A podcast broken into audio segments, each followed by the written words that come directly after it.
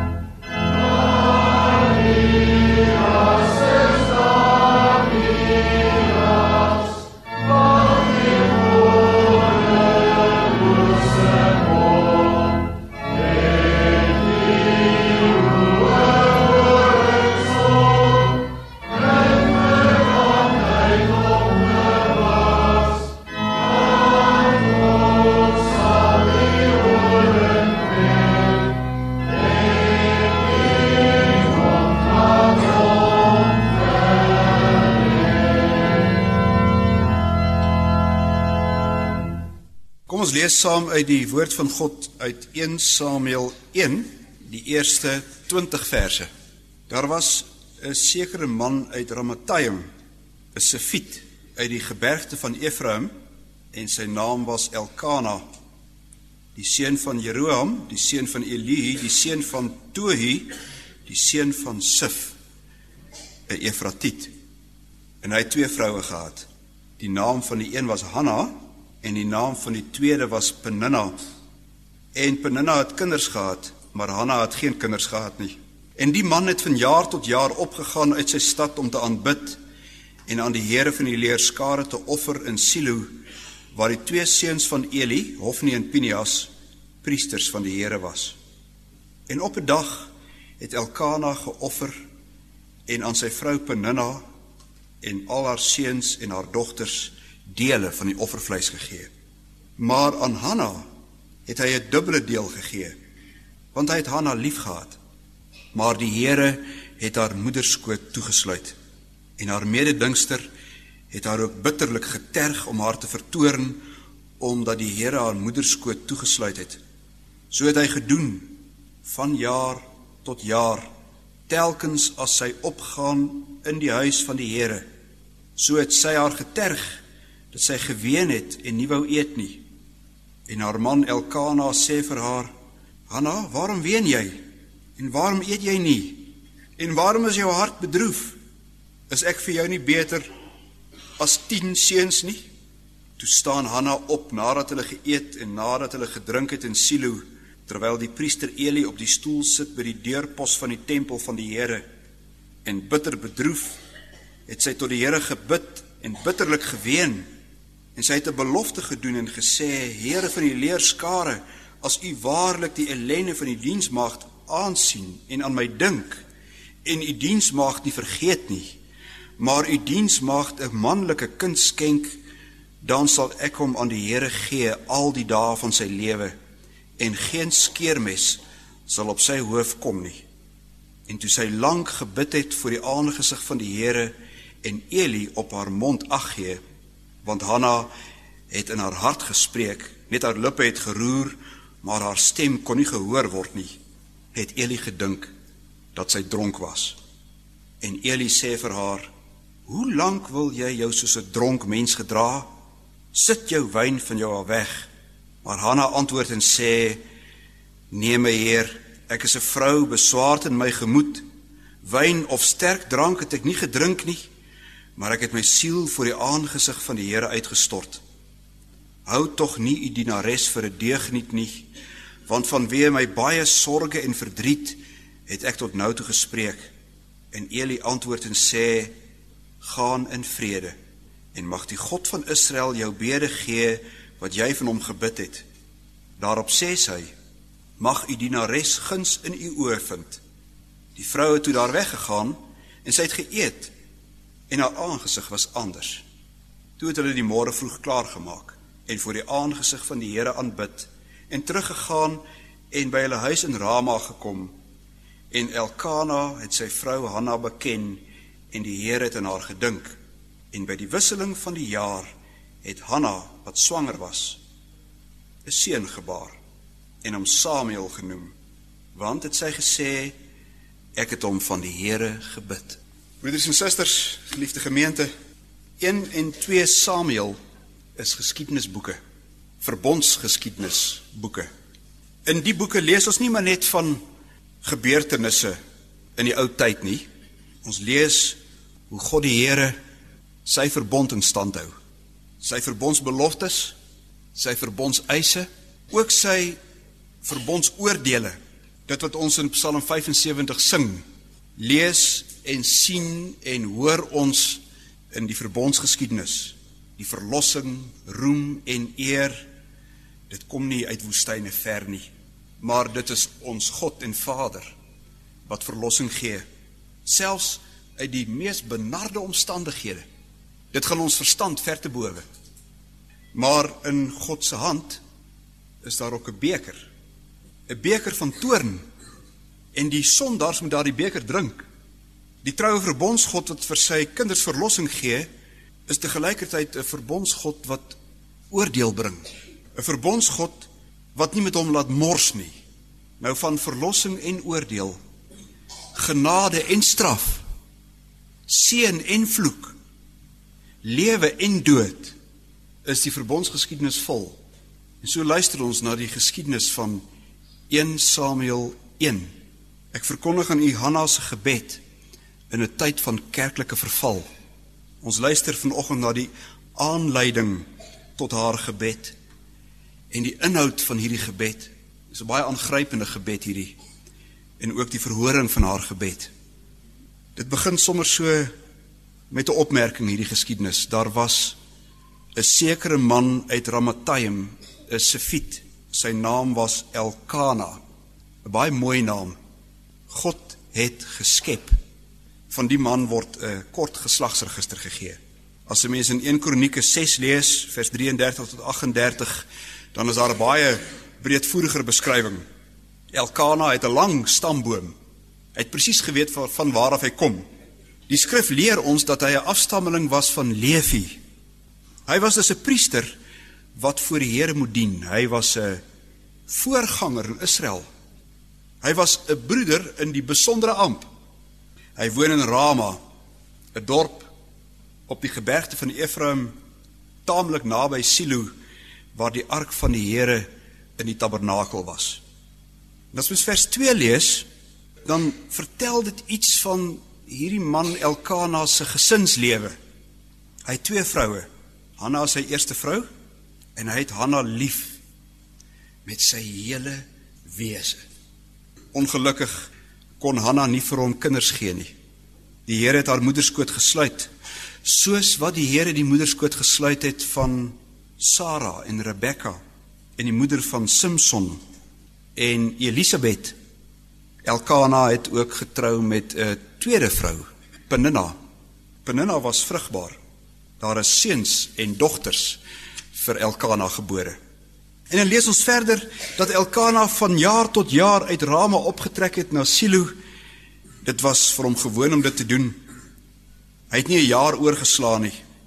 Dit was 'n baie goeie gewoonte die Deur goeie gewoontes groei 'n mens in geloof en in liefde vir die Here. Dit lees ons in Hebreërs hoofstuk 5. Vaste spys is vir volwassenes, vir die wat geestesvermoëns besit deur die gewoontes beoefen om goed van kwaad te onderskei. Nou gemeente vir Elkana en sy gesin was dit gewoon om op vasgestelde tye na Silo toe te gaan en om daar vir die Here te offer en te aanbid. Soos wat dit vir ons gewoon is om kerk toe te gaan. Goeie gewoonte. Maar die hartseer is dat daar 'n donker wolk oor die priesterdiens in Silo gehang het. Die twee seuns van Eli het daar gewerk, Hofni en Pinias. Later in die boek in hoofstuk 2 word daar vertel dat die twee seuns hoegenaamd nie respek gehad het vir die Here van die leerskare nie. Hulle is goddeloos, hulle is uitdagend in hulle optrede. Hulle het gewaag om die beste offergawes wat die volk vir die Here bring vir hulle self te vat en as dit nodig is gebruik hulle geweld. En dit het gemaak dat die volk wat die offergawe bring, die offergawe begin afskeep. Want as die priesters so maak met die offergawe, hoekom sal die volk dan nog moeite maak met die offers? Die erediens word 'n bespotting. Nou as mens hierdie eerste 3 verse van 1 Samuel 1 lees, dan is dit maar 'n hartseer troebel prentjie wat geteken word. 'n Priester trou teen die Here se uitdruklike bevel in met meer as een vrou. Hy ignoreer die feit dat die Here die moederskoot van sy vrou sluit. Hy neem vir hom 'n tweede vrou teen die bevel van die Here in. Amsdraers wat 'n voorbeeld moet stel steel van die offergawes van dit wat aan die Here behoort. Hulle blik en bloos nie daaroor nie. Hulle maak die volk van God van God afvallig. En intussen gaan die erediens voort. Jaar na jaar word daar geoffer, daar word gebid asof daar niks verkeerd is nie. Daar's 'n rookskerm van kamma godsdiens. Nou broeders en susters, dit is hoe verval in die kerklike lewe lyk. So gaan dit in die kerk van die Here as mense nie meer naby die Here lewe nie. Op die oog af is alles klop te silboom. Daar's strukture wat staan. Daar word offers gebring. Daar word gebede gebid. Die seën word uitgespreek. Die boeke klop. Die finansies is reg. Maar die vrees vir God en die liefde vir God is weg. Eerbied vir die Here en sy woord, 'n diep ontzag vir God, vir alles wat heilig is. 'n Lewe tot eer van die Here. Dis dis net nie daar nie. Amptdraers mors met die amp. Die alledaagse lewe bots met dit wat op 'n Sondag gebeur. En daarom kan hulle die kudde oor wie hulle moet waak en die toesig wat hulle moet hou, dit kan nie gebeur nie. Lidmate word in slaap gesis. Alles is maar net goed en alles is maar reg. Die Here is daar in 'n tyd van nood. Maar verder hou ons hom op 'n gerieflike afstand. Veral as dit ons nie pas as die woord ons op 'n plek druk wat ons nie van hou nie. As sy eise te veel eisend raak, dan wil ons nie meer verder hoor nie. Dis skyn godsdiens. Dis kamma godsdiens. Dis 'n rookskerm godsdiens. Dis wat ons sien daar in die dae van Elkana, dis rigtertyd. Dit gebeur so maklik in 'n mens se lewe dat godsdiens so sousie word. Dis so gesprinkel oor 'n mens se lewe. Totdat die bom bars. Op 'n dag het Elkana geoffer soos wat dit elke jaar sy goeie gesonde gewoonte was. Hy bring 'n vredeoffer as teken van vrede met God. En vir Peninna en die kinders gee hy die regmatige deel van die offervleis. Vir Hanna, sy kinderlose vrou vir wie hy baie liefgehad het, gee hy 'n dubbele deel want so staan daar hy het haar baie liefgehad. En natuurlik sien Peninna dit. Elke jaar gebeur dieselfde ding. Hanna word ooglopend voorgetrek. En vir Peninna is dit genoeg rede om Hanna te, te terg want die jaloesie vreet aan haar. In haar tergaksie druk sy Hanna op haar sagte plek, haar kinderloosheid. Sy het so goed geweet dat die kinderloosheid nie maar net 'n hartseer werklikheid is nie. Die Here het die moederskoot gesluit en Hanna Peninna hamer daarop. Sy wil vir Hanna kwaad maak. Sy krap aan haar medegelowiges se gemoed in plaas daarvan om haar met die woord van die Here te bemoedig. Skyn godsdiens. Hierdie kant offer jy 'n vredeoffer. Daardie kant trap jy op jou medegelowige. Dis mos nie ware godsdiens nie. Die gespot het so erg geword dat Hanna op 'n stadium nie meer wou eet nie. Die skyn van die vredeoffer het een te veel geword. Wat beteken 'n gesamentlike liefdesmaaltyd voor die aangesig van God? As medegelowiges mekaar so opbyt en sleg sê en afbreek. Elkana het Peninna se geterg gehoor. Hy het Hanna se trane gesien. En hy probeer liefdevol wal gooi. Hanna, waarom ween jy? Waarom eet jy nie? Waarom is jou hart so bedroef? Elkana het sulke goeie bedoelings met hierdie woorde. Maar luister wat sê hy, broeders en susters? Is ek nie beter as 10 seuns nie? Elkana maak Peninna nie stil in die naam van die Here nie. Hy sê nie vir haar Wat is jy besig om te maak met jou suster in die geloof nie? Hy dink nie daaroor na en staan nie daarby stil dat die Here die moederskoot van Hanna sluit nie. Hy wonder nie hoekom die Here dit doen nie. Hy laat nie vir 'n oomblik die naam van God en die stem van God hoor in hierdie omstandighede nie. Hy, priester in die diens van God, noem die eers die Here se naam in dit alles nie. Sy eie ek staan in die sentrum. Ek, Hanna, Ek is vir jou meer werd as 'n nageslag. Ek is jou troos. Weereens, dit is skyngodsdiens. Die amptdraer staan in die pad van die amptgewer met goeie bedoelings. Maar goeie bedoelings kan 'n mens so ver wegbring van die Here af. Mensewoorde is baie, maar intussen word die woord van God verswyg. En Hanna, die vrou van die priester, Die pastorie moeder Hanna antwoord nie haar man nie. Sy het bitter bedroef van alles vanaf die alles behalwe vredige vredeoffer opgestaan en sy het voor die Here neergekniel in gebed. Uiteindelik breek die lig in hierdie donker geskiedenis deur. Hanna bid en sy is by die regte adres. Sy roep tot God, nie uit eie krag nie, broeders en susters.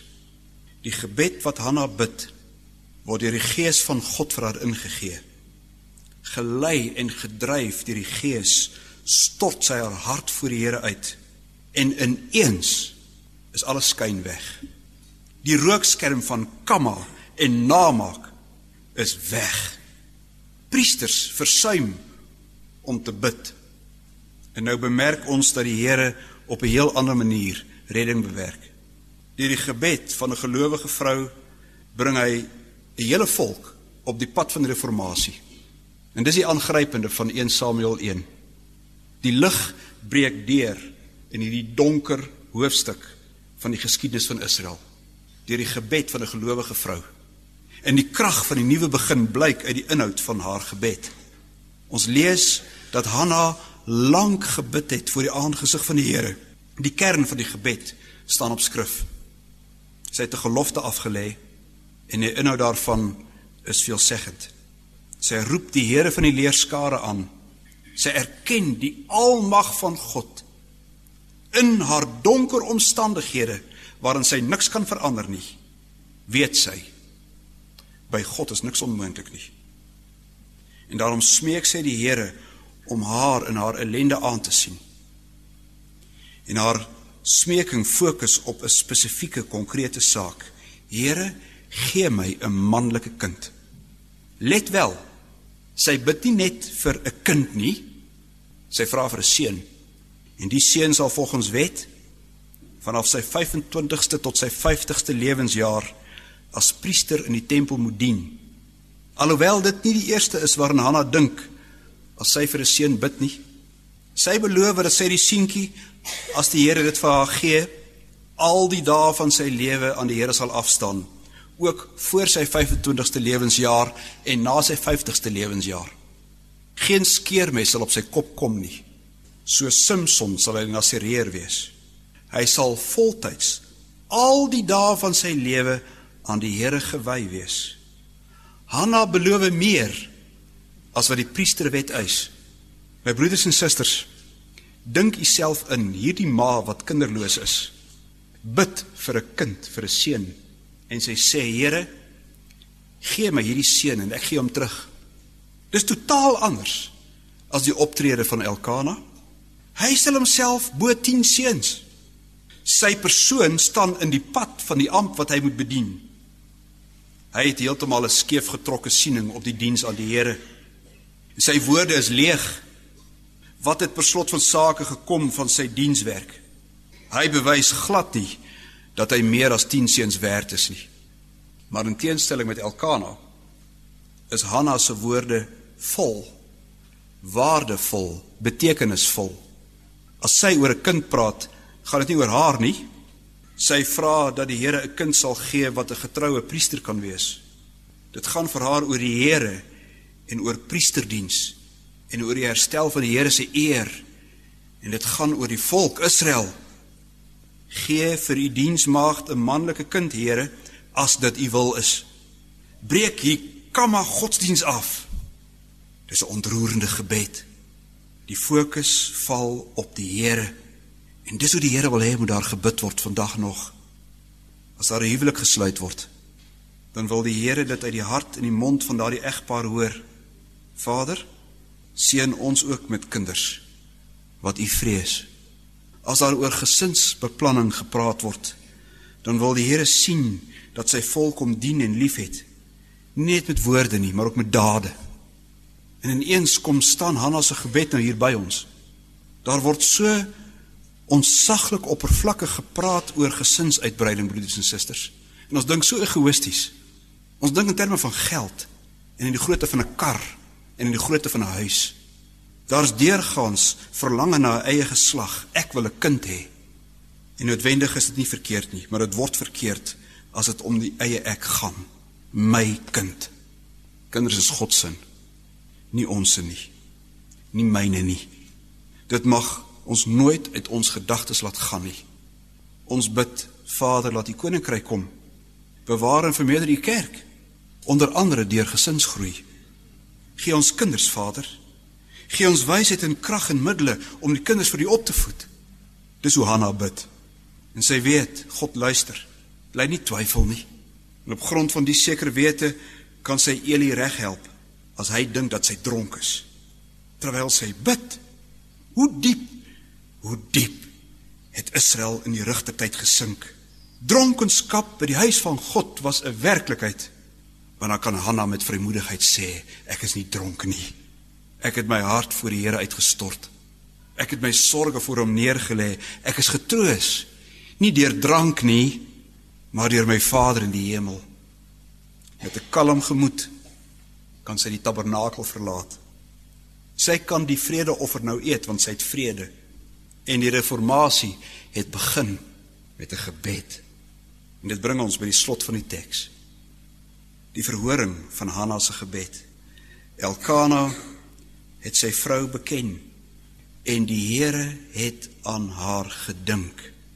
Die Here het gesien en Hanna word swanger. 'n Seentjie word gebore. Sy noem hom Samuel, Samuel. Ek het hom van God gebid. Penina se mond word gesnoer. Elkana se niksegende troos, dit word oorbodig gemaak. Die Here sorg vir dit alles. Hy gee die manlike kind tot blydskap van die ouers. Maar baie meer en baie belangriker as dit broeders en susters, tot herstel van die volk Israel wat so diep gesink het. Hierdie Samuel word 'n profeet wat God se woord mag verkondig in 'n tyd wat die woord van die Here skaars was. Hierdie Samuel word 'n priester wat vir Israel by God mag voorbidding doen en die volk in die naam van die Here mag seën. Hierdie Samuel word die laaste rigter wat die eerste twee konings van Israel in die ampt mag bevestig. Hy word die wegbereider in die Ou Testament soos wat Johannes die Doper die wegbereider in die dae van die Nuwe Testament na Christus word. Die pad na Christus word gebaan. En dan sing ons nie lofliedere oor hulle kwaliteite nie. Hulle is mense soos ons met hulle swakhede, met hulle sondes en gebreke. Ons lied styg op na God in die hemel. Aan U die lof o God, want U het U naam in Israel groot gemaak. Hierdie prent was donker. Menslik gesproke, moes die kerkdeure sluit. Het ingegryp. Het verlossing bewerk. En hoe? Deur 'n gelowige vrou van 'n ongehoorsame priester. Here doen dit vandag nog in ons tyd, in ons omstandighede. U het verlossing bewerk deur Christus u seun. Gee dat ons heel eenvoudige gewone mense maar diensknegte en diensmagte van u die allerhoogste mag wees. En dat ons ons verlossing in Christus mag uitleef. Gee krag om te breek met namaking skyn en alhartigheid. En laat ons ons kinders opvoed in die vrees van u naam. Lei ons deur die Gees ter wille van die koms van die koninkryk. Amen. Onse Vader, U doen groot dinge in die lewe van U kinders. Waar alles tot stilstand kom in ons lewe, bring U nuwe beweging, nuwe lewe.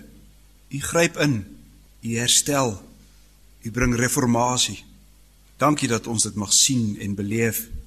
En so bid ons U dat U ons ook sal wakker skud as ons in die slaap raak. En bring ons, Here, tot inkeer waar afkeer is. Werk in elkeen van ons persoonlik en in ons almal tesame sodat ons sal erns maak met die dinge wat ernstig is. Gee ons 'n geseënde dag verder. Gee ook uitkoms aan almal wat in nood verkeer. Troos almal wat treur. En ons bid dat ons sal erns maak met die opdragte wat U gee en dat ons ook sal berus by dinge wat feite in ons lewe is. Ons bid vir kinderlose gesinne. Ouers wat so begeer om kinders te hê, maar dit nie ontvang nie omdat U dit so beskik. Dis vir ons onbegryplik om te verstaan. Tog doen U dit so. Dankie Here dat U in U almag ons elkeen vashou. Bewaar ons in U goedheid. Neig ons hart. Voeg dit saam in die vrese van U naam. Hoor ons om Christus Jesus wil. Amen. God van Jakob, lof en prys sing ek ewig tot U eer. Hoë horings werp ek neer wat teen U het opgeruis. Maar ons horing swaar getref word deur God weer opgehef. Psalm 75 ons sing die laaste 3 verse.